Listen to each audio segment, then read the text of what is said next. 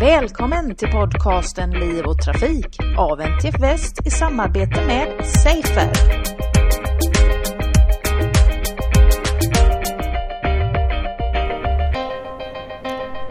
Hej alla lyssnare på Liv och Trafikpodden. Jag sitter på Transportforum i Linköping tillsammans med Hans Teke som är doktorand i utbildningsvetenskap vid Lunds universitet och jag har precis lyssnat eh, på dig Hans prata om varför eh, elever i högstadie och gymnasiet borde få börja senare i skolan och hur det hänger ihop med hur vi ska komma till ordning med eh, peak och rusningstider i kollektivtrafiken. Välkommen till podden Hans! Tack!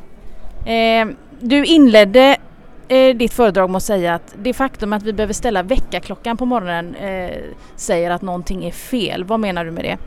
Jo, jag menar att eh, om eh, vi hade eh,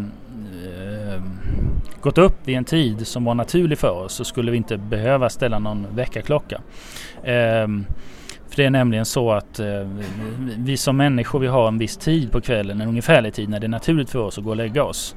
Och ehm, vi behöver sova ett visst antal timmar.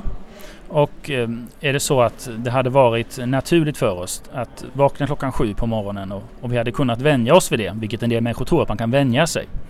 Då hade, då hade vi inte behövt någon väckarklocka utan då hade vi bara kunnat gå och lägga oss vid den tid vi behöver på kvällen. Men det gör vi inte. Och det beror på att vi kan inte somna för en viss tid på kvällen. Eh, jag tycker det är spännande att prata med dig nu utifrån att eh, vi på NTF jobbar med trafiksäkerhet och vi vet ju att trötthet är en jätteviktig faktor i eh, trafiksäkerhetsfrågor på olika sätt.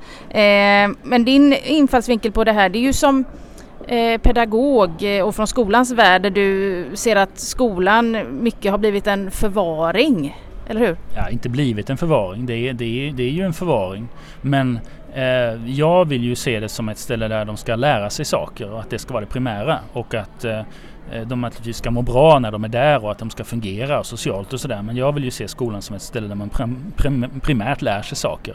Eh, och, och ser man det så då får man också ett annat fokus på hur ska undervisning gå till, när, när ska de undervisas, när ska de komma till lektionerna och så vidare. Eh, och jag tror att det är ett perspektiv som behöver stärkas och det håller på att stärkas också i debatten att, att skolans kunskapsuppdrag det har blivit har fått en högre prioritet och kommer, förhoppningsvis kommer få en ännu högre prioritet. Och det du lyfter fram i, idag här det var att för ungdomar så är det ännu viktigare att få sova ut på morgonen. Hur mycket viktigare är det och när börjar det här behovet? Ja alltså ehm, ja, när man är tio år då är det inte så svårt oftast att gå upp klockan halv sju eller sju. Men när man börjar närma sig puberteten då blir det svårare och när man är mitt i puberteten så är det onaturligt att gå upp klockan sju. Och, och, när man är 18, 19, 20 år, alltså då berövas man flera timmar per natt om man inte får sova till åtminstone klockan åtta på morgonen. Ehm, och det har att göra med förändringar i den biologiska klockan, alltså den biologiska dygnsrytmen som vi inte bestämmer över själva. Utan det är någonting som sker eh, naturligt i, i vår hjärna eh, när vi går från ålder till ålder. Och, eh, när man är barn så är man i regel mera morgon, åt morgonmänniskahållet. När man är tonåring så är man mer åt kvällsmänniskahållet och sen när man kommer upp i medelålder 40, 50, 60 år då blir man, går man mer och mer åt att vara morgonmänniska igen. Um, och detta är någonting som alla schemaläggare måste känna till därför att det här handlar ju om hur ska vi få eleverna att plugga bättre? Hur ska vi få dem att må bättre? Hur ska vi få dem att inte utveckla psykiska sjukdomstillstånd? Alltså hur ska vi hjäl hjälpa till att, in, att, att, att, låta dem bygga upp ett skydd mot att utveckla diverse sjukdomstillstånd? Och då är sömnen oerhört viktig. Du nämnde en studie från England som visade väldigt tydligt på det här. Ja, det var en studie som Eh, genomfördes på en skola där de flesta eleverna inte var särskilt privilegierade. De låg under riksgenomsnittet när det gäller betyg. Och eh, och de hade också över, låg också över riksgenomsnittet när det gäller sjukfrånvaro. Och då visade det sig att när man flyttade fram den skolans starttider från klockan 8.50, vilket i och för sig är rätt, eh, bättre än de flesta skolor, men det var 8.50 var det. Ursäkta. Till klockan 10, vad som hände var då alltså att sjukfrånvaron minskade och eh, eh, eh, elevernas resultat på standardiserade test blev bättre. Och det blev bättre, ännu bättre andra året med den här nya starttiden. Och sen var det så att de var tvungna att ställa tillbaka starttiden till klockan 8.50 och vad hände då? Jo, då ökade sjukfrånvaron igen och eh, resultaten på standardiserade prov blev sämre. Så det visar väldigt tydligt vad det får för effekter. Eh, skulle du våga dig på att dra några kopplingar till trafiksäkerhetsfrågorna som ju är vårt intresse här? Eh, kan det gagna trafiksäkerheten också att man får börja skolan klockan 10 istället?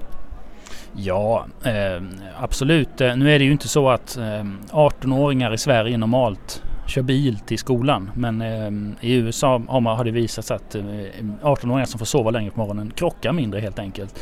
Och Eh, Eh, om man ska då översätta detta till svenska förhållanden så innebär det att eh, ja, tar vi lärare som är, särskilt lärare som är under 25 år eh, men även lärare som börjar närma sig medelåldern, när fortfarande många är mer kvällsmänniskor. De skulle alltså bli bättre förare när de kör till jobbet på morgonen. Och barn och ungdomar som cyklar eh, kommer också att få ett bättre trafikvett därför att, om, om, de är, om de är utsövda.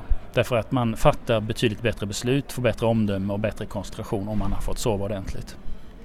Du var ju en uppskattad talare här idag av kollektivtrafikbranschen som gärna vill göra gemensam sak med dig för att eh, få eh, skolorna att senare lägga sina starttider för eleverna så att man minskar trycket på kollektivtrafiken. Ja. Är det något du kan tänka dig?